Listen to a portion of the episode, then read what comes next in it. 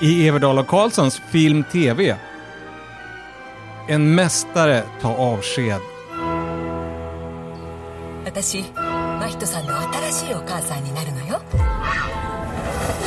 Vi ser Miyazakis Pojken och hägen. Och så streaminghitten Culprits. Three things you need to do. One, listen to the plan. Two, memorize the plan. Three, stick to the plan. brott, straff och kulörta kläder. Dessutom skulptriser och bin i basken.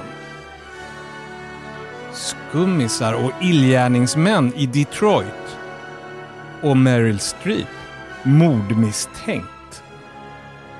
Allt i podden som är din absolut enda vän i film och streamingdjungeln.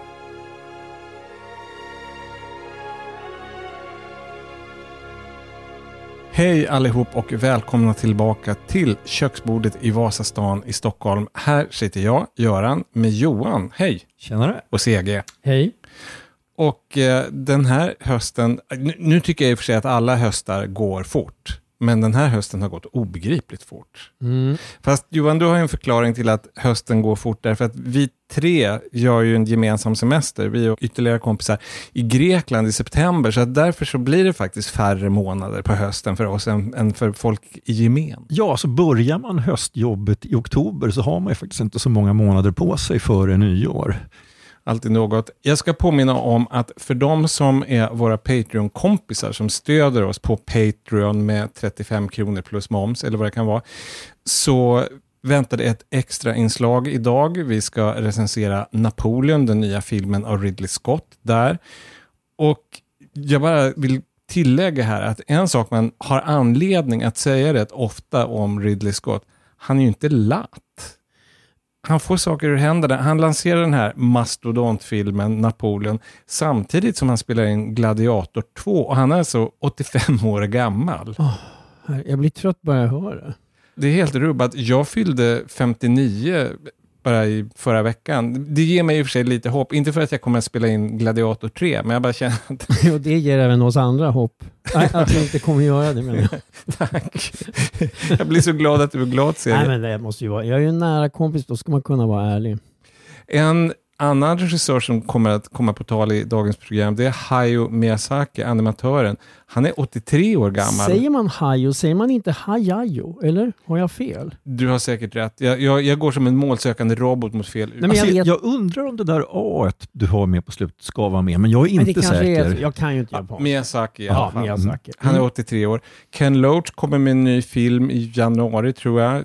The Old Oak som visades på Stockholms filmfestival. Han är 87. Faktiskt så kunde ju inte han komma till eh, filmfestivalen Stockholm för att han helt enkelt var för eh, krasslig. Så kan det gå. Det är ju inte nödvändigtvis åldersrelaterat. Nej, Man inte kan ju vara. bli krasslig ändå. Ja, men precis. 87 år det är en aktningsvärd ålder, men inte så aktningsvärd som 88 som Woody Allen är. Roman Polanski, han kommer med en ny film till nyår som i och för sig har fått väldigt mycket skäll, som heter The Palace. Han är 90. Oj! Wow. Men n- när du säger det här att Polanski har fått skäll, är det inte så att den senaste Woody Allen-filmen för första gången på länge har fått rätt bra kritik? Jo, så var det. Den var, visade sig i Venedig, tror jag. Ja, jag tror det. Sen om och när den kommer, det vet jag faktiskt inte. Alltså till Sverige. Men alltså man känner ju liksom att Martin Scorsese som gjorde Killers of the Flower Moon, alltså han är ju ett barn i dessa sammanhang. Mm. Jag, minns för några, 81 år gammal. jag minns för några år sedan, Before the Devil knows you're dead, va? Just det. Av eh, Sidney Lumet. Sidney Lumet, som, då var han väldigt gammal. Och nu råkar det vara att jag minns det bara för jag tyckte det var en sån jäkligt bra film. Jag skulle kolla hur gammal han var, men för nu tror jag han har gått bort. Ja, det har han. Alltså det fanns ju faktiskt en portugisisk regissör vars namn jag tyvärr har Ja. glömt, som var aktiv tills han var en bra bit över 100. Han gjorde sin sista film när han var typ 103 eller 104. Allt detta bara för att säga att Quentin Tarantino som nu ska sluta som regissör därför att han tycker att regissörer gör inte bra jobb efter 60. Alltså många av de här, kanske inte alla, men Ken Loach och Woody Allen, Scorsese, jag tycker att de är i ganska god form. Så Ja, så Scorseses film är väl hans bästa på länge. Kan det hända att Tarantino bara är latt? Kan det hända att jag inte tror ett smack på att han kommer hålla det? Hur många, eller hur många av er, ni är ju bara två här, tror någon av er att han verkligen kommer hålla fast vid det? Det gör inte jag. Nej, han kanske fuskar. Det finns ju fler regissörer som har sagt att de ska sluta. Steven Soderbergh Steven Soderbergh slutade med dunder och brak. Han har aldrig varit mer aktiv. Rätt mycket tv i och för sig, men det är väl ett fusk. Aki Kaurismäki skulle ju lägga av, men så gick det ju så väldigt bra för den här senaste filmen, så nu har han kanske inte riktigt slutat i alla fall. Ja, fast vad mig anbelangar så får Kaurismäki ljuga hur mycket han vill så länge han fortsätter. Johan, en helt annan sak. Du ville prata om ett tv-program, men det här är inget tips, därför att det här är redan så tröskat och omskrivet och omdebatterat. Men du vill dra ditt strå till den stacken. Vad pratar jag om? Du pratar om historien om Sverige, alltså den här jättesatsningen på SVT om Sveriges historia. Och den har i och för sig fått alla möjliga sorters reaktioner i och med att alla ska ha en åsikt, men jag tycker ändå att den får en sorts slentrianmässigt skäll som har irriterat mig lite grann. Alltså det, det som stör mig det är egentligen två liksom slags ja, gnäll, får jag väl säga. Och det ena är sådana väldigt petimeteraktiga invändningar som folk kan ha som är experter på någonting. Att ja, men så där ansade inte folk skägget på yngre stenåldern. Eller växte det granar i Bohuslän på den tiden. Vet du vad man ska säga då med det här skäggfrågan? Därför att Ridley Scott han ger massvis av intervjuer om Napoleon och han är ganska, han är inte bara gammal, han är ganska knarrig och jag tror att han är född knarrig, det har inget med åldern att göra. Det finns ju väldigt mycket åsikter om hur korrekt historiskt sett den här filmen är och när någon för det på tal så är Ridley Scott och Rita Nobel “Were you there mate?” Så att lite grann de där som har åsikter om skägg på stenåldern, där kan jag hålla med, tagga ner. Och den andra invändningen som jag tycker är nästan lika jobbig och verkligen lika slentrianmässigt, är alla de här som säger men det här vet ju alla, det, det här är ju kunskap för mellanstadieelever. Och Göran, du har ju sett de två första avsnitten. Skulle du säga att de här ganska nya rönen de presenterar om svenska bronsåldern, tror du att mellanstadieelever känner till det här? Nej, inte stenåldern heller. Alltså framför allt de här olika invandringsvågorna. Alltså det märker man ju att folk på nätet, i synnerhet de som är lite extremhöger, de hade ju uppenbarligen inte en susning. Just att alltså både den här DNA-forskningen, alltså att DNA överhuvudtaget finns tillgängligt, är ganska nytt och även då just en del utgrävningar som skett framförallt på Öland då, som gör att man plötsligt vet mycket mer om svensk bronsålder. Det är också saker som hänt ja, typ från 2011 och framåt. Jag tror inte att någon står och berättar om det här i detalj för mellanstadiebarn. Det låter som att du sitter inne med specialkunskaper på just bronsåldersborgar. Och då, då kommer ju folk som säger att det här är för barn skratta för att mina kunskaper kommer ifrån att göra faktaböcker för barn om bronsåldern. jo, men du har ändå koll på faktaunderlaget och vet när det så att säga kom i dagen, bokst ja, bokstavligt talat. Men en fråga jag har till dig då i din officiella roll som SVTs apologet i den här frågan. Vad tycker du om, heter han Simon J Berger, den här programledaren, skådespelaren som går runt i de här historiska landskapen och orerar? Alltså jag tycker att han är helt okej, okay. han känns som en entusiast. Men jag tycker att det är lite märkligt. Du och jag har ju sett massvis av, vi har ju det här gemensamt att vi gillar historiska dokumentärer och de görs bäst på BBC, fastslår vi härmed. Och de är ju väldigt duktiga på att leta fram så här gamla, akade eller gamla och halvgamla akademiker, kunniga på sina områden. Mary Beard om det handlar om Rom. Simon Shamer gjorde A History of Britain som jag tror delvis är en förebild för den här svenska. Och de går runt och ser inte tv-snygga ut, utan lite excentriska och entusiastiska därför att det är deras områden som de brinner för. Så att min fråga är mer att okej, okay, Peter Englund kanske tackade nej, men någon av alla de här duktiga forskarna som faktiskt förekommer i serien kunde väl ha varit programledare. Alltså en, en skådespelare som går runt och ler saligt när han berättar att här har vi en gammal offerplats, här har jag hittat massvis med kranier. Alltså det kan jag tycka, han verkar jättetrevlig, men vad gör han där? Lite grann. fast alltså när du säger det här, för jag, jag gillar ju också de här BBC-programmen och det är ju härligt att se Mary Beard prata om romarriket. Men alltså, är inte det här en speciell brittisk kultur, att sådana här stjärnakademiker också är något av entertainers? Alltså, jag, jag hoppade av högskolan så snabbt att jag har ingen riktig koll på hur det är liksom på universitet och liknande. Men alltså, finns det såna här showmen liksom bland svenska docenter och professorer? Jag talade med en gång på Göteborgs bokmässa, satt och fikade och pratade med en mycket högt uppsatt chef på SVT, kulturchef, och frågade henne, men liksom, varför gör ni inte sådana här serier där, och gör en akademiker till stjärna? Och då tittade hon på mig och sa, väldigt trött, sa, Göran, om du visste hur många gånger vi har frågat, men svenska akademiker är fega.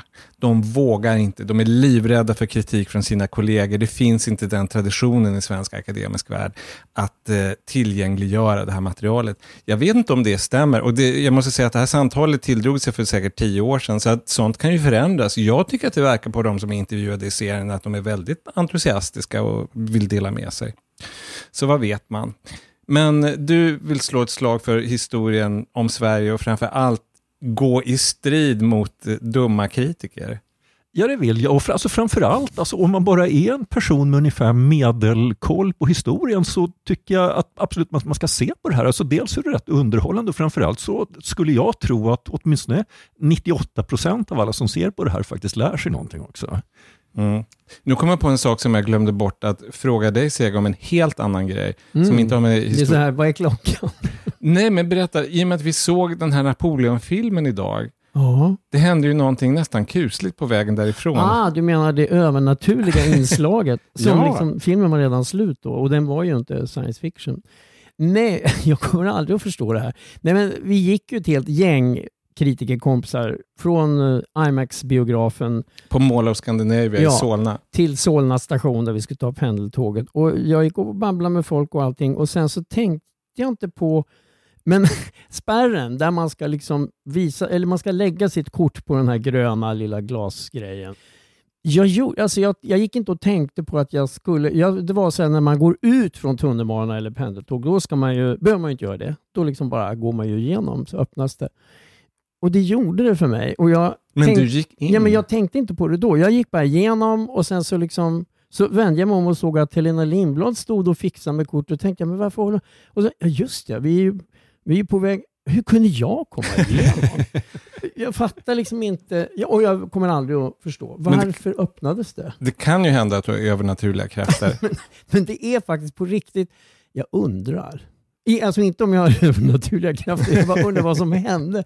Och det roliga var att jag var helt omedveten om det när jag gick igenom. Men ja. Kanske var det därför. Det är vad man sa för när man skulle gå förbi kön på Café Opera, att man skulle bara liksom låtsas att man hörde dit. Ja. Så teoretiskt sett så skulle man bara kunna gå förbi. Det kanske var det du gjorde. Intressant. Sen, jag var ju faktiskt också med om något märkligt efter den här Napoleon-visningen. Att jag brukar alltid presentera mig som tecknare här i podden, men nu kan jag ju faktiskt, precis som ni, titulera mig filmkritiker. Just Welcome to the dark side. Tack. Alltså det är så att jag skickade in min ansökan igår kväll. Jag tror att det var vid åtta tiden på kvällen och jag har självklart då inte väntat mig att få något svar på det här. Det, jag tänkte att nå, det kom väl om några veckor eller så, men alltså, ja, morgonen efter då, vid den här Napoleonvisningen, just Helena Lindblad som är medlem i styrelsen sa att ja, välkommen hos oss, du är medlem nu. De jobbar snabbt. Ja, de är, alltså, jag är imponerad av styrelsearbetet i den här föreningen. Och naturligtvis välkomnar Göran och jag dig också in i vår skara. Ja, vad trevligt. Ja. Denna illustra samling. Och nu är det dags för film. Av en av alla de här goa gubbarna som vi pratar om. 油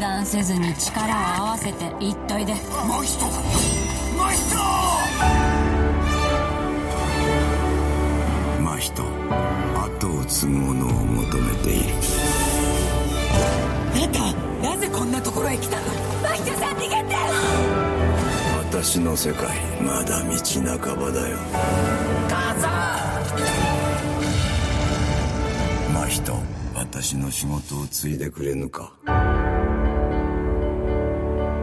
Pojken och hägern heter en film som har haft premiär nu i veckan och den är en stor händelse för oss alla tre tror jag. Helt enkelt därför att det är Hayao, nej men nu säger jag fel igen. Johan, hur ska man säga?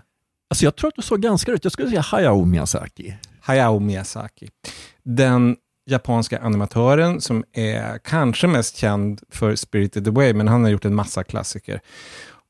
Jag sitter i stort sett alltid trollbunden inför hans filmer. Sen så finns det vissa som jag tycker ännu bättre om. Spirited Away, svårslagen. Min vän Totoro gillar jag. Ja, om man ska ta bara någon väldigt charmig film. Jag är väldigt förtjust i Kikkis Delivery Service också. Ah, ja, det, ja, det, mm, det är inte någon favorit för mig, men, men alltså Ponyo på Klippan vid havet Ja. tycker jag väldigt mycket om. Ja. Och sen också den förra som skulle vara den sista, Det blåser upp en vind. Som är lite självbiografisk. Ja, och inte så lite heller. Och lite mer lågmäld. Eller han har ju lite olika tonlägen och det är en av hans mer lågmälda filmer. Det blåser upp en vind. Och precis som du säger, det skulle bli hans sista. Och så blev det inte det, för här kommer pojken och hägern. Den utspelar sig under andra världskriget i Japan. Det är en ung pojke. Han sörjer sin mamma som har dött i eldbombningar i Tokyo. Och han och pappan de flyttar ut till en herrgård på landet där han har blivit ihop med den döda mammans syster, alltså pojkens moster. Och han har lite svårt att finna sig till rätta. Mystiska saker börjar hända. Vi lyssnar på trailern. このお屋敷には時々妙なことがありましてなマスター助けて何人も 死人や怪我人が出たそうです Ja, det finns ju lite självbiografiska inslag här också. För att pojken i filmen, hans pappa, han är höjdare på en fabrik som gör delar till stridsflygplan och det var Miyazakis pappa också.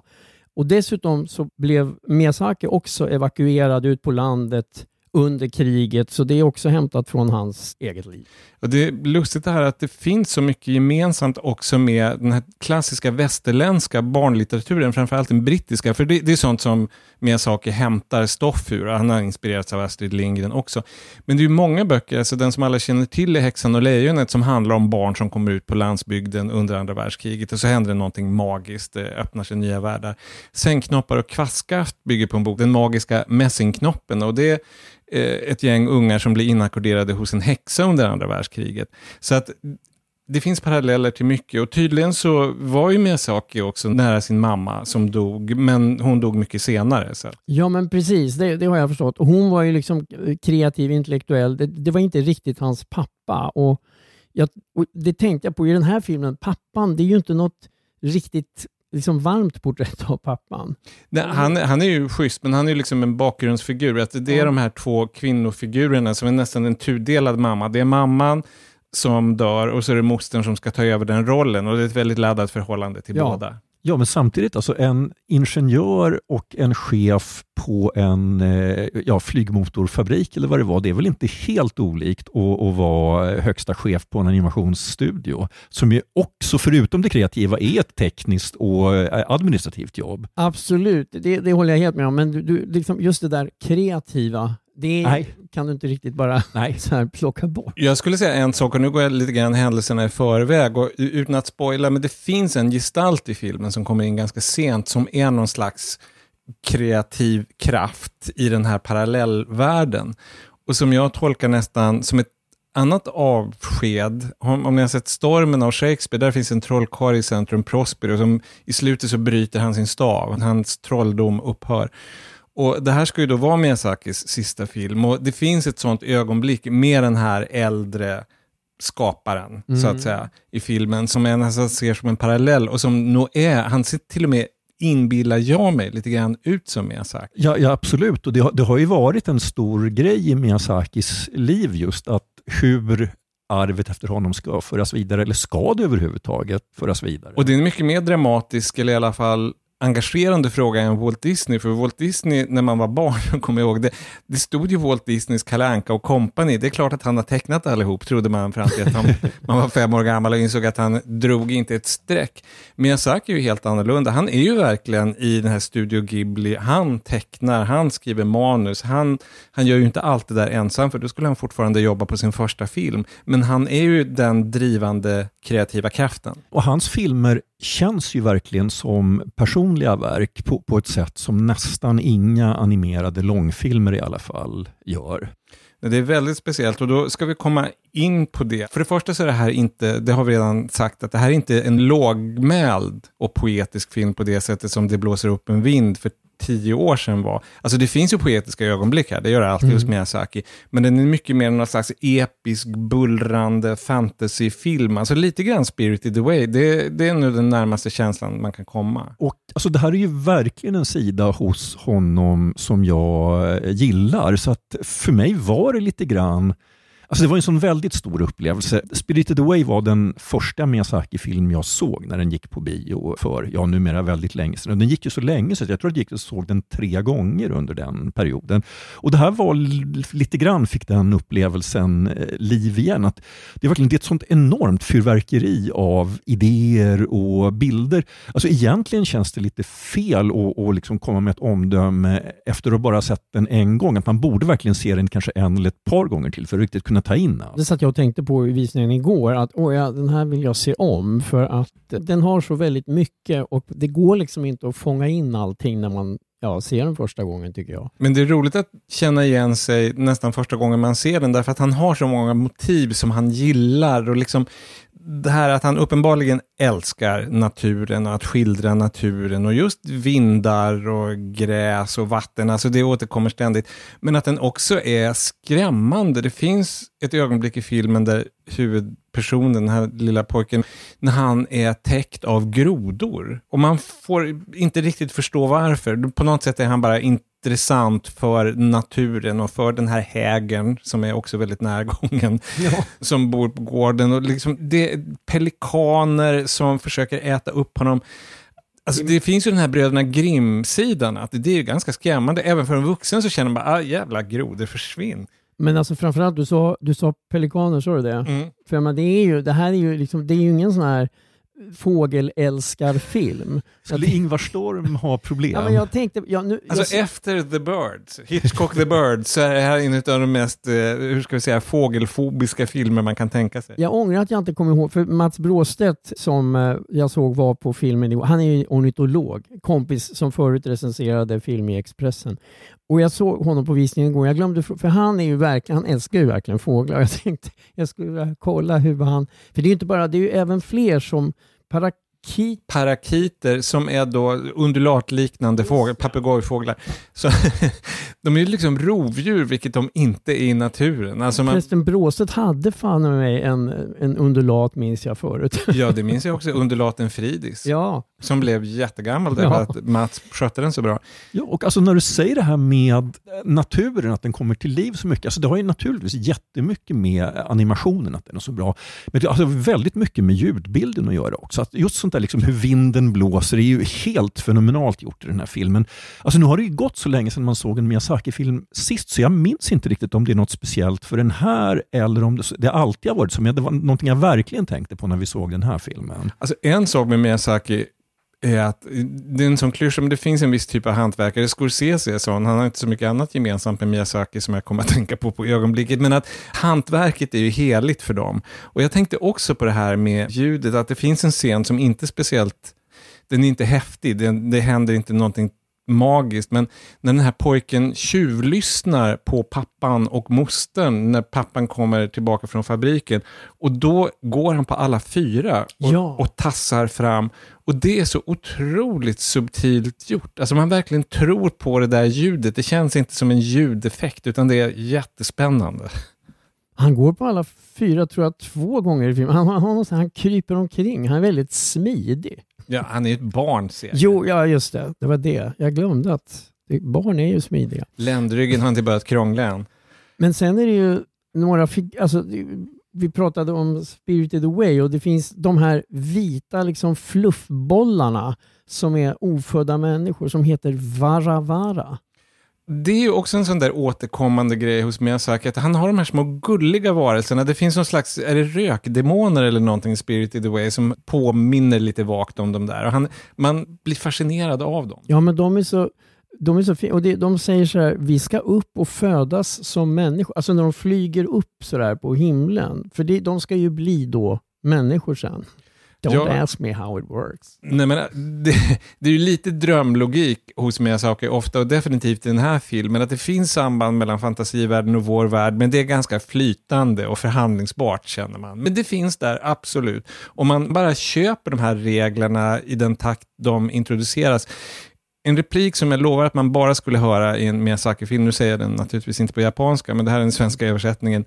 Rör inte berget, stenen gillar inte att vi är här. Just det. Jo, det ja, men den noterade även jag. Det var jättehäftigt. Helt logiskt i sitt sammanhang, men det, liksom, det funkar bara i en Miyazaki-film.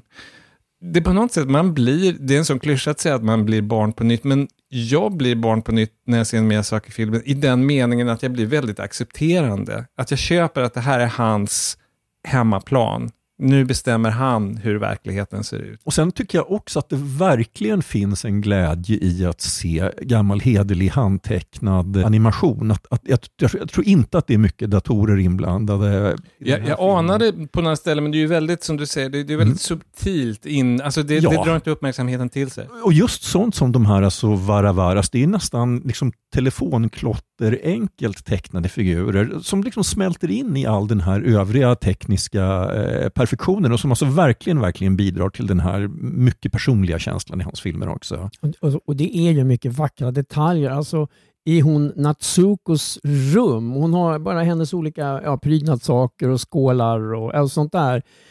De är så vackra, alltså sådär blänker lite och, och även ett draperi precis innan. Det är en scen där det, finns, det är ett förlossningsrum som eh, vår kille ska liksom gå in till för att eh, Hjälpa sin moster som är med Just det, som är med barn. Och där hä- hänger ett draperi som också, alltså det är så vackert. Man kan känna strukturen nästan, jättefint. En sak som jag fastnade för i skönhetsderbyt, det var himlarna. Det är ju väldigt vanligt i och för sig hos Miyazaki. Det är en återkommande grej eftersom han älskar flygning med moln och himlar. Men där han också blickar mot västerländsk masskultur, att det är väldigt mycket som klassiska illustrationer från förra sekelskiftet. Alltså Howard Pyle och, som gjorde massa piratillustrationer och Maxfield Parrish som illustrerade veckotidningar. Hans expertisområde, det var ju så här väldigt fluffiga moln i skymning och gryning och de tror jag att Miyazaki har tittat på. Sen mitt i allt det här, nu har vi pratat om det, det är så fint och djupt och vackert och så här. Sen finns det ju såna här sköna, liksom, den här tuffa tanten, krassa tanten, hon som vill ha cigg, hon vill, hon vill cigaretter, hon vill byta till sig. Hon, Därför att det är ransonering under kriget. Och hon vet att eh, Mahito, han, det är en, en scen när han behöver en pilbåge som hon kan, och då, då är det så här, ja men då vill hon byta pilbåge mot att hon får cigaretter av honom. Ja, men hon vet blir att- genast svarta börshaj. Ja, och det är bara så, och hon är ju alltid, hon är med flera gånger, men hon är ju så här lite mer så här, ja så. Och även den här hägen, som Ja, för att vara fågel i den här filmen så är han väl okej, men han är ändå inte, han är ju inte en odelat sympatisk person. Han är ju rätt äcklig. Men han är rätt kul. Han säger att det är sant, alla gråhägrar ljuger. Det är en rolig replik. Och sen, alltså den här filmen handlar ju också så mycket om livet och eller vad, vad kommer efter livet och sådär. Så jag undrar lite grann också om den här hägern möjligen är lite grann Jag är döden, alltså i det sjunde inseglet. Om han kan vara en sån figur. Ja, alltså vid några tillfällen ser det nästan ut som att han har en huva. Jag tänker inte förklara det, det förstår man när man Nej, det här är en överraskning man vill ha i filmen. Ja, men så kan det ju faktiskt vara. För som sagt, det känns som ett avsked och det känns som en blinkning mot stormen där på slutet. Alltså det, det är så kul att han gör de här dubbla, två sista rundor i manegen. En som är ganska realistisk, den här stormvindsfilmen. Och så den här som är bara en total, verkligen sagohistoria. Göran, nu ska jag nämna någonting som har med din mamma att göra. Mm. För pappan säger i ett läge till sonen, jag tar min Datsun till stan. och då tänkte jag direkt på när din mamma alltid sa, när ni hade en Honda Igon. Ja, det var efter jag hade Det var flyttat efter att du hemifrån. hade flyttat. Ja, Vi hade en, b- först Volvo, sen Toyota. Men när jag hade flyttat hemifrån då skaffade min mamma Marianne en Igon. Det här kan jag, för jag, jag tycker det här är så fruktansvärt kul, så jag kan ha nämnt det förr i podden. Men hon sa ju då att, äh, inte så här, jag tar bilen till utan jag tar Igon. Skillnaden här är att han säger ju inte den specifika modellen utan Datsun, för det är ju som om din mamma hade skulle ha sagt jag tar Hondan, men hon Mm. sa ju Igon. Han säger bara, ja, men jag, jag, så fort när han sa det så tänkte jag, åh gud, det är som Görans mamma, nästan. Är man nöjd med ett köp så är man nöjd med ett köp. Då räcker det inte med att säga bilen, man säger Igon. Då är det dags att sätta betyg, tror jag, på pojken och hägen. Vad säger du, Sega? Jag säger en fyra För, jag tycker fortfarande, alltså Spirited Away och sådär, det, den nivån, tycker, för mig är det inte den nivån, men en fyra. Alltså jag borde kanske se den en gång till, men jag drar till med en femma ändå. Och för mig blir det också en femma. Så Herregud! totalen blir helt enkelt fem stjärnor till pojken och hägern Hayao Miyazaki. Och nu är det dags att prata TV.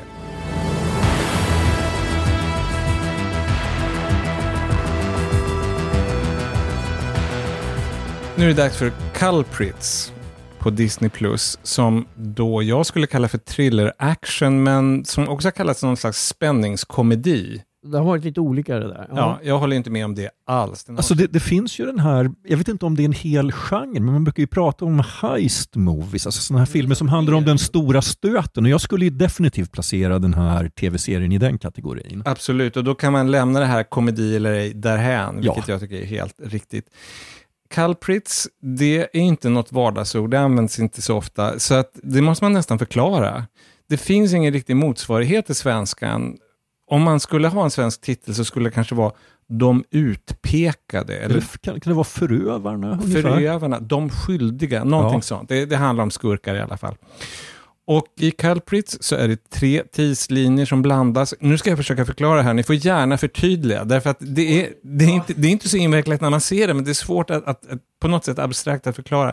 Dels så finns det tidslinjen som är nu, nutid, och då står det now i stora gula bokstäver vid de scenerna. Och det utgår från Joe, som är en slags huvudperson. Han heter egentligen något annat i likhet med alla i den här serien. Men vi kan kalla honom för Joe, för det heter han från början. Han bor i USA med sin snubbe och den här killens barn. Det tycker jag är kul. Alltså, det är verkligen någonting som har hänt i vår tid, att den här kärnfamiljen som ska försvaras i thriller, så att det kan vara samkönade familjer nu. Det är inget konstigt, men så skulle det inte ha varit för 10-15 Nej. år sedan. Men jag ska säga en grej om det sen bara. Okej. Ja. I alla fall, Joe har en hemlighet. Han har grävt ner miljoners miljoner i pundsedlar i skogen. Eh, och det är byte från den här kuppen då. Och om denna kupp berättas det dels i upptakten i en annan tidslinje där det står before, före. Och då är det den grymma gangsterbossen Diane Harwood. Hon samlar ihop ett gäng och förbereder den perfekta kuppen. Och det känner man igen från sådana här heist movies. Det är väl förberedelserna är viktiga, de är en stor, stor del av historien. Och sen så är det kuppen i sig, och det är den tredje linjen som det saxas mellan. Och den är then, då. Så att now, before och then ska man skilja mellan. Det är inte så förvirrande. De tar till till exempel det gamla knepet frisyrer. Just det. Att de får kränga på sig någon slags peruk när det ska vara dåtid, så att man förstår att det har gått några år. Vi kan lyssna på en scen från Before, alltså i upptakten, planeringen av den här stöten, när Diane, som spelas av Gemma Arterton, hon peppar gänget inför den här kuppen. Now listen up. Just because you were invited here doesn't make you great. It doesn't make you special. Not one of you is special. But do it right, and this job will make you special. Do everything I say, and this job will be the greatest thing you ever do. Three things. Three things you need to do. One, listen to the plan. Two, memorize the plan. Three, stick to the plan. Don't improvise, don't second guess, don't think. Stick to the plan. The plan is God. The plan is King. The plan is your heartbeat, your dreams, your blood, your soul, your everything. Stick to the plan. Och sen ska man tillägga att det finns ett extra stressmoment i den här intrigen och det är att en jätteotäck mördare, som de inte vet vem det är, har börjat ta koll på rånarna, det här rånargänget, en efter en. Och när ska han nå Joe? Det är väl ungefär grunden för den här serien. Sen händer det massvis av saker. Det är åtta avsnitt och twistar saknas icke. och framför allt så tycker jag att det händer väldigt mycket i första avsnittet. Alltså helt enkelt så här. Jag tycker första avsnittet är råspännande. Det är så mycket. Det är bland annat en scen som har att göra med en sopcontainer och en Ja. som Joe ligger gömd i och som ska hämtas av en sopbil och ni vet i sådana här sopcontainer så ska det dessutom komma sådana maskiner som trycker ihop soporna. Så här. Alltså det är sådär läskigt. Och hela den, den, den pågår ett tag och så klipps det till något annat och sen är tillbaka där. Den är, och då, då får jag sådana minne från Toy Story 3. Fanns det inte någonting mot slutet Jo då. där? Ja. Jo, där, där är de dessutom på en sopstation och det är eld och inblandad. Så långt går det ju faktiskt inte här. Nej, det gör det inte. Men den minns jag nämligen att jag tyckte var, den var också sådär enormt spännande i Toy Story 3. Men här är den också, jag tycker det är, en, ja, det är så intensivt och jättehäftigt och överhuvudtaget så tycker jag, alltså första avsnittet, det, nu när man har sett hela, så första avsnittet, jag tycker det är det bästa. Men tycker du att resten av serien inte riktigt lever upp till det? Ja, inte riktigt. Ja, det tycker jag nog faktiskt. Eh, även om den finns, jag tycker så här, det bitvis så är det spännande rakt igenom. Det kommer flera gånger så här. Men jag tycker som helhet så tycker jag inte riktigt att jag får inte det jag hade hoppats på efter första avsnittet. Nej, men sen är det en annan sak också att man märker knepen lite grann. Man blir överraskad i första avsnittet. Han heter Jay Blakeson, han som har gjort den här serien, skrivit. Och han är ju då en hejare på att plötsligt göra vilken miljö som helst livsfarlig. Det kan vara ett vardagsrum i Kent i England eller Oregon i nordvästra USA där Joe bor med sin snubbe. Alltså all, allting, det lurar liksom en, en mördare eller en cliffhanger runt varje hörn. Men till slut så blir ju överraskningarna inte en överraskning. Därför att man märker handgreppen så att säga. Alltså, vi pratade ju, det var väl i ett av våra Patreon-avsnitt om eh, serien Bodies på Netflix och konstaterade att det var en eh, väldigt serietidningsaktig serie. Eh, vilket inte alls är konstigt eftersom den bygger på en serietidning. Men alltså det här kan ju så att säga slå åt olika håll. Alltså där var den det på ett, som jag tycker, väldigt kul sätt. Den här kan man ju också säga drar åt det serietidningsaktiga hållet, men på ett inte lika roligt eller lika kreativt sätt. Alltså jag tycker man känner igen en del ganska liksom trötta serietidningsgrepp, alltså en lite slapp eh, cynism som, jag, jag tänker framförallt på 90-tal, en del 90-talsserier som man kan störa sig lite på. Sen ska jag säga, det här är inget helt genomgående drag, men alltså serien är ju rätt mycket ute efter att också vara en eh, komedi och där, tycker, där är den ju verkligen hit och miss. Alltså ibland är den ju rolig men påfallande oftast tycker jag att det som är menat att vara roligt är kanske inte så roligt egentligen. Nej, men det har lite grann med det här cyniska eller poserande cyniska draget att göra som du pratar om. att Antingen så tycker man att det är roligt med det här nu är det så lätt att säga Tarantino-aktigt, det här påminner egentligen inte om Tarantino, men det, det finns ett sätt att han behandla bifigurer och statister nästan som rekvisita, alltså bara någonting att ta koll på och sen så är det ett litet skämt om det, som kan bli väldigt tröttsamt.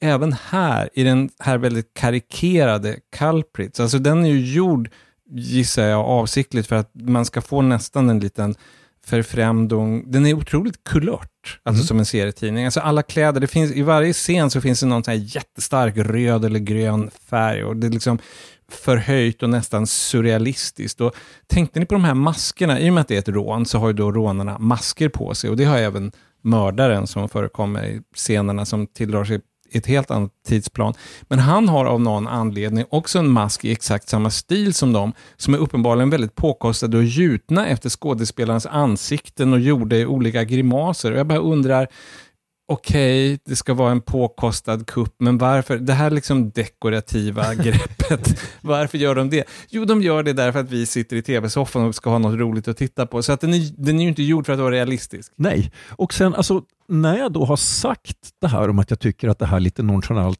cyniska som ska vara roligt inte alltid är så roligt. Ett problem med det är ju att det som jag faktiskt tycker är det roligaste i serien, det är ju just den figur där de driver det här längst. Alltså en av kuppdeltagarna som har det officiella namnet Specialist, men som alla kallar för eh, Psycho.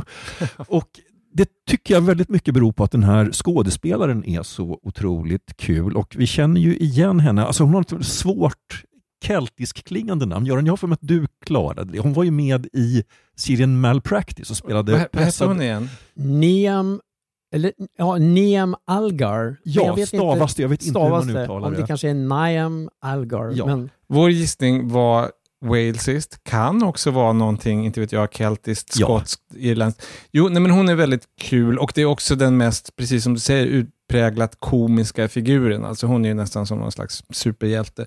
Och hon fattar det, alltså hon spelar det på precis rätt sätt. Nu ska jag säga att hon har erfarenhet av detta, alltså hon är en extrem hårding även i Malpractice, Ja. även om den är mer realistisk. Och i den av mig djupt sörjda Raised by Wolves, där hon också var, det är en science fiction-serie, där hon inte heller var god att tas med. Men jag håller med, hon är väldigt rolig. Hon Alltså, hittar tonen. när hon ligger inne på en tågtoa och har blivit skjuten och själv opererar bort kulan inne på tågtoan och ligger där så blodig. Och eh, Och de andra tågpassagerarna liksom reagerar inte.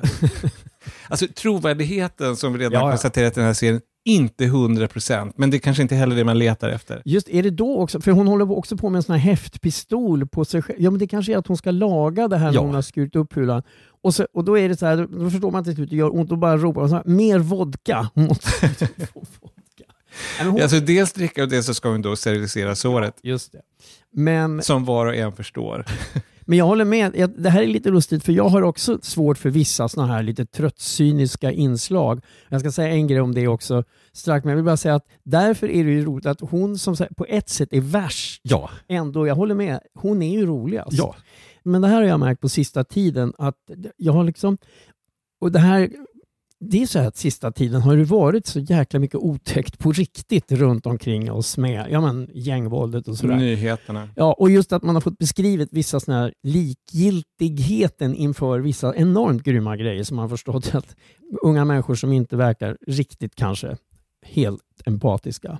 Nej, och där kan man, när man ser en sån här serie så känns det ju som att, ja men är det här någon slags bruksanvisning? För jag har inte varit förut känslig tror jag. Nej, jag har sett rätt mycket våld utan Men det är att jag märker på mig själv hur jag sitter nu på sista tiden och liksom när det är sådär lite för mycket sådär by the way, grymt och någon ska bara dö, någon som hängs, alltså i den här filmen Mm. då. Det är några gånger där när jag bara känner att nej men usch, det, det, nu, tycker jag plötsligt att liksom, jag har fått någon slags inre hem och skola-representant in i mig som känner att men det där är inte så kul. Ja, men när verkligheten hamnar för nära så blir det väl så. Du, du hade någonting som du skulle säga om det som då passerar för vardag i den här serien, som är Joes förhållande med Jules. Jo, men det var, jag hade lite kul åt, för att jag håller med dig om att jag tycker det är så roligt att det inte heller är någon big thing, utan det är, ja men vadå, det är två snubbar, de är ihop och de har, eh, han, hans lever som pappa till de här styrbarnen och sådär. Men det roliga är att Jules, alltså, han får ju ändå den typiska hustrurollen. Det tänkte jag också Alltså, på. han får de där typiska replikerna. Nej, åh, vad, vad håller du på med? Och han tycker liksom att det där låter farligt och han Nu ljög du, du måste tala sanning. Ja, alltså det är den där som man har sett i en miljon filmer, fast då är det en kvinna som är hustru och liksom säger till hjälten som tar massa risker eh, att han inte gillar det. Det är väldigt mycket en sån roll han har fått. Jag kom, eftersom jag relaterar allting till tecknade serier som var mitt stora intresse i många år, så tänker jag på Hergé som gjorde Tintin när han fick beställning av, han gjorde det här för en konservativ katolsk publikation i Bryssel. Och den här Abbé, vad han nu hette, Valles tror jag. Abbé var läs arbetsgivaren sa, men den här Tintin, han har ju ingen familj och han har ingen flickvän och han har ingen, inga föräldrar. Det här är ju, han, det var lite omoraliskt. Det, här, det ska ju ändå liksom skildra den borgerliga familjen. Gör en serie om två vanliga barn som är med om äventyr. Och då gjorde han då Johan, Lotta och Jocko och han avskydde det här. Han sa att det var så vidrigt att hantera de där föräldrarra som satt hela tiden skulle gå runt och vara oroliga. Men vad gör Johan och Lotta? Var är de någonstans? och vred sina händer vid radioapparaten när de hörde att de hade, inte vet jag, synts till vid Nordpolen eller någonting. Så att eh, det finns en anledning till att eh, det finns så många föräldralösa barn i folksagor. Föräldrar och familjer är i vägen i berättelser. Bort med dem. Jag tror faktiskt att det var just det som den här kyrkmannen Valles sa, att hela världen kan inte vara föräldralös. Men, men, på I synnerhet inte när det finns en stor fader. Nej. Men på tal om Jules och barnen där hemma i Washington när Joe är då ute och riskerar livet. Det finns ju en jättespännande scen som har att göra med det, nämligen när skurkarna, alltså inte våra skurkar utan de som De andra skurkarna. de andra skurkarna. När de har liksom hittat Jules adress, alltså Joes familjs adress. Och han kan titta på, en, på bildskärmar så kan han se, för han har han varnas att de är utanför det. Han har bevakningskamera. Han har bevakningskamera.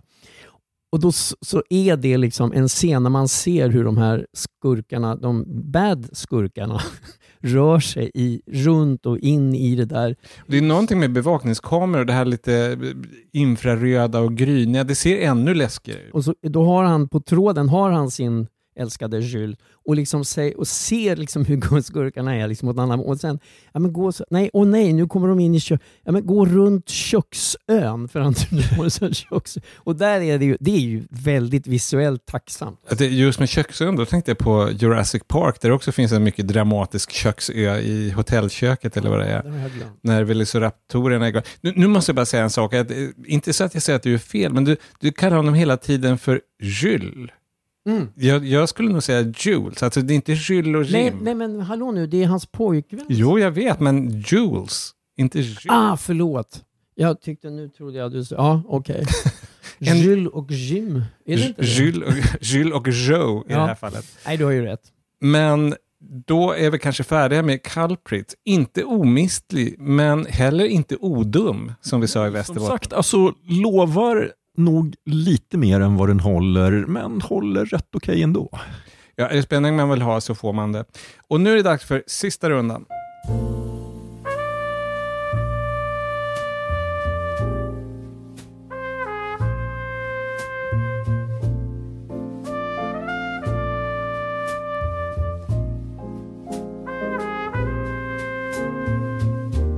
Sista rundan är det dags för då tre rykande heta tips. Eller ja, i alla fall tre tips. Alltså, ja, mitt är ett spanskt drama som hade biopremiär förra veckan och heter Kalla mig Lucia. Där möter vi skulptören Anne som tillsammans med sina tre barn ska tillbringa sommarlovet hos barnens mormor i Baskien. Maken hänger inte med. Vi anar att det inte är så toppen i deras äktenskap. Men det är familjens yngsta barn som står i filmens centrum. Åttaårige Aitor som av omgivningen ses som en pojke men själv känner sig som en flicka. Det är praktiskt i och för sig, bara, nu, bara väldigt ytligt sett, men Aitor är inte självklart ett pojk eller flicknamn, så det, det kanske är rätt I det här praktiskt. sammanhanget så är det ett pojknamn som han har och som, Ah, och, eller som hon får man säga, för hon känner sig som en flicka som har fått och inte trivs med. Det här stör mormor och får vi klart för oss även den här frånvarande pappan. Eta orain hiru buelten mango dizkio guzuari, desioak bota aurretik.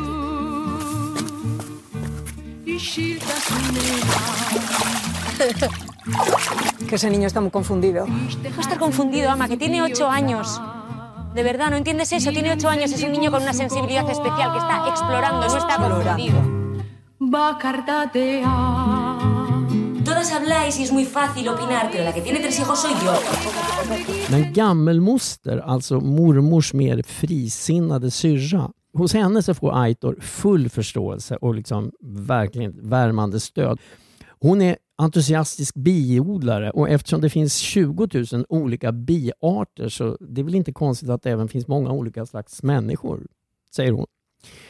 Så att hon uppmuntrar den här unga släktingen att istället för Aitor hitta på ett eget namn som känns naturligt och bra.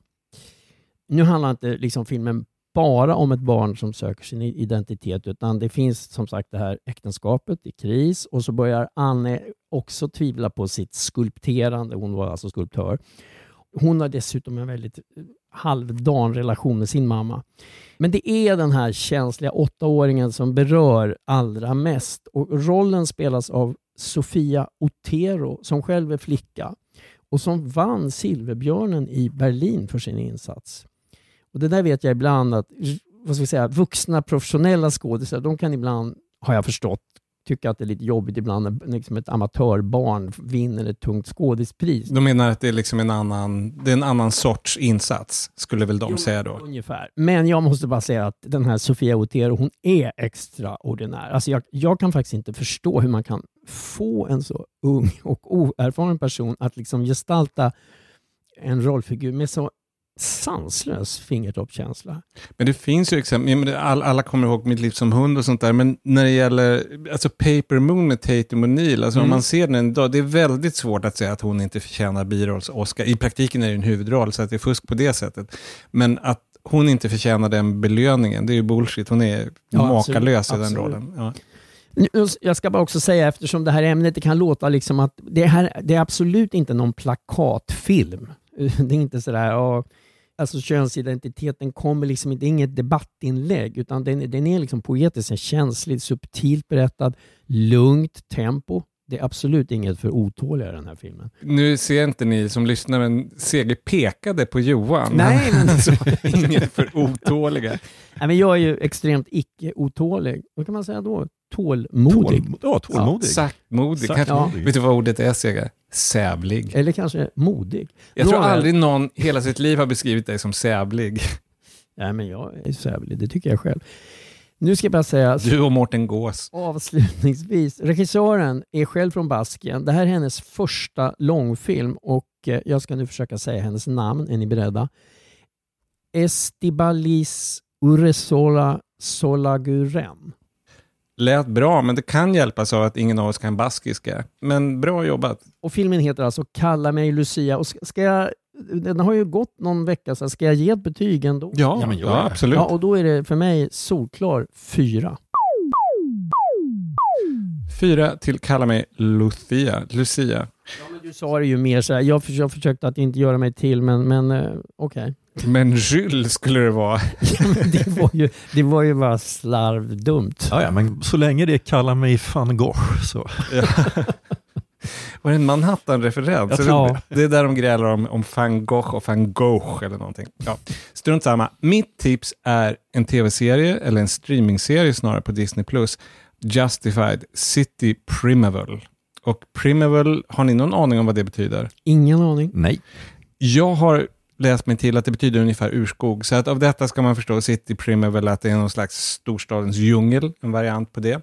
Och Justified kanske några känner igen, därför att det är en tv-serie som gick i sex säsonger med början 2013. Ja, det var ju en sån här serie som jag, vi väl båda såg med stor entusiasm i början, men som jag åtminstone tyckte tappade orken lite grann. Så jag minns inte riktigt hur mycket. Jag tror jag såg kanske tre eller fyra säsonger av den. Jag tycker att den pikade med säsong två, men det kan man döma om själv, för den ligger också på Disney+. Plus. Jag tycker definitivt att man, om man inte ser någonting annat, se säsong två. Den är fullständigt fantastisk. Och då ska jag säga att Justified i båda sina versioner handlar om sheriff Raylon Givens. Och han är då modern sheriff. Det är inte en gammal westernserie, utan det utspelar sig i nutid. Och det är inte McCloud heller, alltså han kommer inte så ridande på Manhattan. Fast det finns ju en aspekt av McCloud i den här nya, i och med att han, den utspelar sig i stan. Den första serien, alla sex säsongerna, utspelas på landsbygden i Kentucky tror jag. Så att det är väldigt mycket lantisläge där. Och i säsong två är den underbara Margot Martindale, om man känner till henne, sån här birollsskådis, som fick på ålderns höst, eller ålderns höst, men hon var 50 plus i alla fall, fick ett jättegenombrott där i en fantastisk skurkroll. Och Walton Goggins, annan fantastisk birollskådespelare som alla skulle känna igen om man såg honom, men man känner inte igen namnet kanske. Han var också med. Och allt det här bygger på Elmore Leonard och deckarläsare och thrillerläsare vet vem han var. Han är en sån där som är väldigt högt aktad. Han är speciell därför att han, han är död nu, men han satsade mer på dialogen och karaktärsbeskrivningen. Alltså intrigerna finns där och det är inget fel på dem. Men det är väldigt mycket att man lär känna alla losers och fixare och typer i de här miljöerna. Okay, as promised. I get out these handcuffs, I'm lining your bitch ass up. Tyrone, here's how we're gonna play this. Gonna unlock your hands. If you don't behave, you're gonna spend a little time in the trunk. You got my triple steak cheeseburger? And skinny fries and two orange freezes. Motherfucker, I want a Chick fil A. Han är då Leonard, han är en Quentin Tarantino-favorit. Jackie Brown bygger på en Just Elmer Leonard-historia. I alla fall, här kommer då fortsättningen på den här Lantis kriminalserien när Raylan drar till stan och det är Detroit. Och det är ett väldigt, väldigt fint skildrat Detroit. Alltså jag har ju aldrig varit där, men det känns som man har varit där när man ser serien. Och det har man på sätt och vis därför att den är inspelad på plats. Och under vissa umbäranden har jag förstått, det var skottlossning i närheten av inspelningen och sånt där, så att de fick huka sig. Detroit är ju ett farligt ställe på riktigt. Och i serien och kanske i verkligheten också fullt av skurkar och mördare och utpressare och illgärningsmän. Det finns en väldigt klant... Vad sa du? Illgärningsmän? Illgärningsmän, Seger. Jag, jag skräder inte ordet, jag tar bladet från munnen. Det hör, man inte, det hör man inte varje dag. Ja, Illgärningsmän. Okay. Ja. Och som sagt, utpressare. Det är en väldigt rolig och otroligt amatörmässigt skött utpressningskampanj som sker i ett av avsnitten bara för att sammanfatta, då blir det liksom omöjligt att inte jämföra mellan den första serien och den nya. Och jag pratade om den här serien häromveckan igår kväll på tv och då hade jag inte sett så många avsnitt som nu. Jag hade sett tre eller fyra. Nu har jag sett sju av åtta delar. Jag tycker kanske att den inte riktigt håller samma klass som GAM Justified. Vad säger du Johan? Alltså svårt att säga, alltså kanske inte när den var som allra bäst, men alltså definitivt så skulle jag säga att det känns som en pånyttfödelse av serien. Att det är en helt annan stuns i det än det var i Justified förra vändan när jag la av med den definitivt värd att se. Jag är så glad att återse Raylan Givens. Timothy Olyphant som spelar rollen, man kommer ihåg honom från Deadwood till exempel, som då var så att säga en riktig westernserie som utspelas på 1800-talet. Alltså han har någonting, alltså han, har, han känns lite läskig och farlig, lite snällare nu, alla blir vi äldre, men ändå. Justified, City, Primeval och också bara gamla Justified, båda finns på Disney+. Sen finns det Justified and Ancient ja. med KLF. Och glöm inte Tammy Wynette. Ja.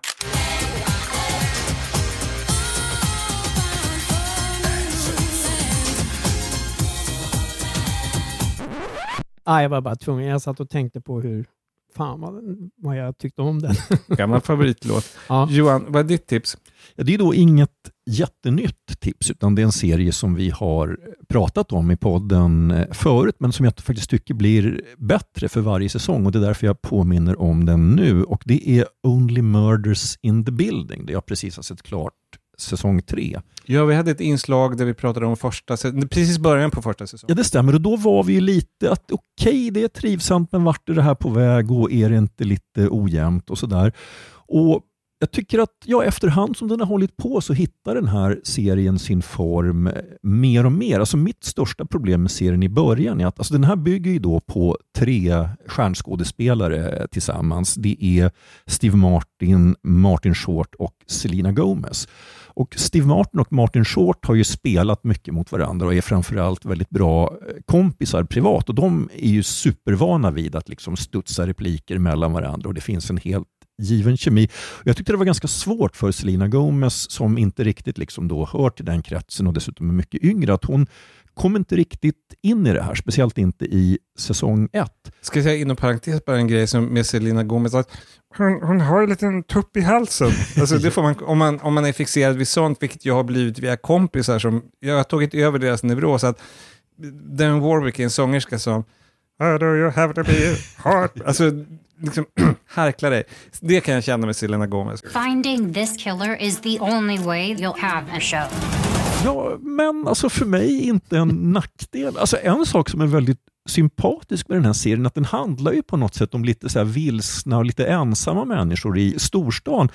Att både Steve Martins och Martin Shorts figurer är ju verkligen haspins. Alltså Steve Martins rollfigur har varit stjärna i en tv-deckare på 70-talet, men i hans liv har inte hänt någonting sedan dess. Och Martin Short är en teaterproducent som väl haft någon liten karriär på Broadway. Han är ju... nästan inte så mycket has-been som never was. Ja, det stämmer.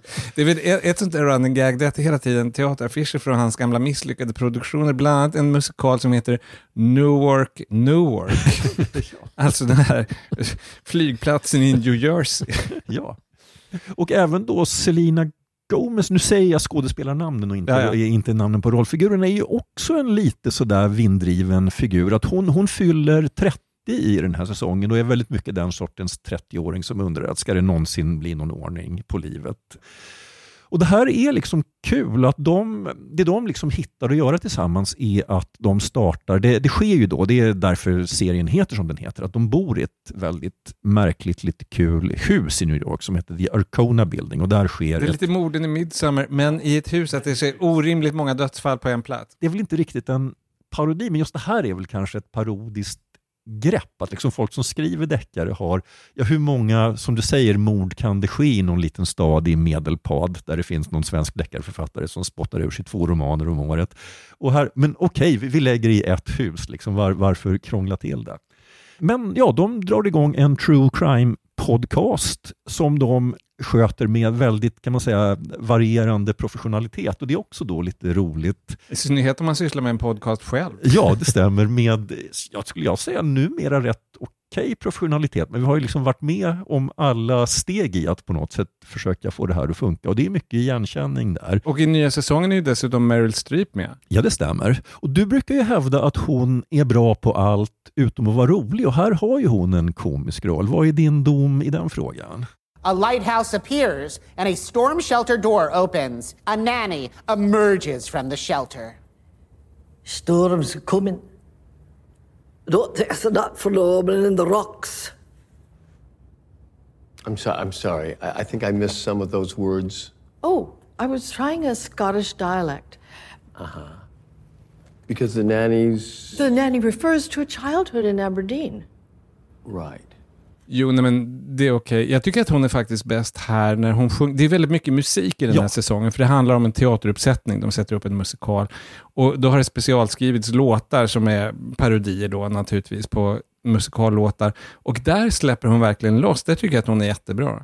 Då ska jag bara lägga till att det här är så att säga den sista grejen som gör att jag tycker att den här säsongen är lite extra bra. Och det är ju just att när de har de här två gamla showbiz-veteranerna Steve Martin och Martin Short så är det väldigt kul att det utspelas på Broadway och att de får med en massa gammal teater vid skepelse, alltså spökar det i den här salongen. Och ja, hur, förhåller man sig till kritiker som man misstänker är på väg med en sågning? Och, ja, alltså det är så otroligt mycket liksom, eh, runt hela den här showbiz-grejen som, som och man gör behöver det. ju inte fatta allt. Nej, Alltså, nej, för det gör man inte. Det tror jag inte heller att en genomsnittlig amerikansk publik gör. Alltså det är väldigt mycket insider, men det gör liksom inget. Ja. Om man, jag vet säkert, du brukar säga att du tycker alltid att det, det, det är hopplöst med sådana här pussel och hur ska man liksom lägga ihop det här och man fattar ju ingenting. Och jag kan säga, just den här sidan så spelar det absolut ingen roll. Alltså det är bara de här festliga karaktärerna och trivseln.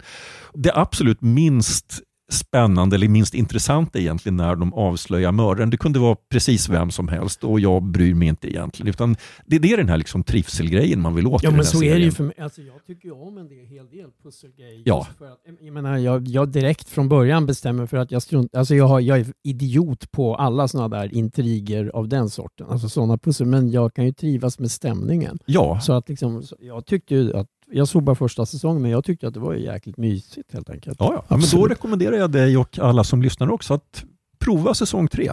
Only Murders in the Building på Disney+. Plus. Yep. Som vi då inte är sponsrade av. Jag tror att det här är tredje Disney Plus-serien som vi pratar om i samma program. Det är en ren slump. Det är vad man i statistiska sammanhang kallar för ett kluster. Dessvärre är vi inte sponsrade. Hint, hint, om någon vill hälla guld över oss. Så är i alla fall jag förhandlingsbar. Och det var hela vårt program idag. Och om du är eller väljer att bli en Patreon-kompis till oss, då fortsätter det roliga. Då surfar man över till patreon.com och eh, betalar sin avgift. Eller om man redan har betalt den så klickar man bara på recensionen av Napoleon som vi lägger upp samtidigt. Och dessutom Johan, tidigare för några veckor sedan så la vi upp ett prat om Blixt Gordon som du och jag hade sett. Ja, det stämmer och det kan nog tänkas dyka upp lite sånt i framtiden också. Att Det var ju väldigt roligt. Alltså vi bara tänkte att det skulle vara kul att titta på den här gamla, möjligen lite pajiga filmen och så visade det sig men det här var ju roligt. Vi kanske kan prata 20 minuter om det. Det hade gjort i alla fall. Alltså, varför inte liksom bara slå på mikrofonerna och lägga ut det på Patreon?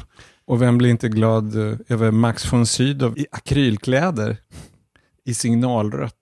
Han blev rätt glad själv vill jag minnas. Ja, han trivdes i den rollen. Så klicka in på patreon.com, bidra med 35 kronor plus moms, jag tror att det blir 43 eller 45 totalt. Vi blir så ruggigt glada över stödet. Men nu säger vi hej då och märkligt nog så blir nästa reguljära podd vår julpodd i december. Mm. Tiden bara, återigen. hej då! Hej då! Hej då!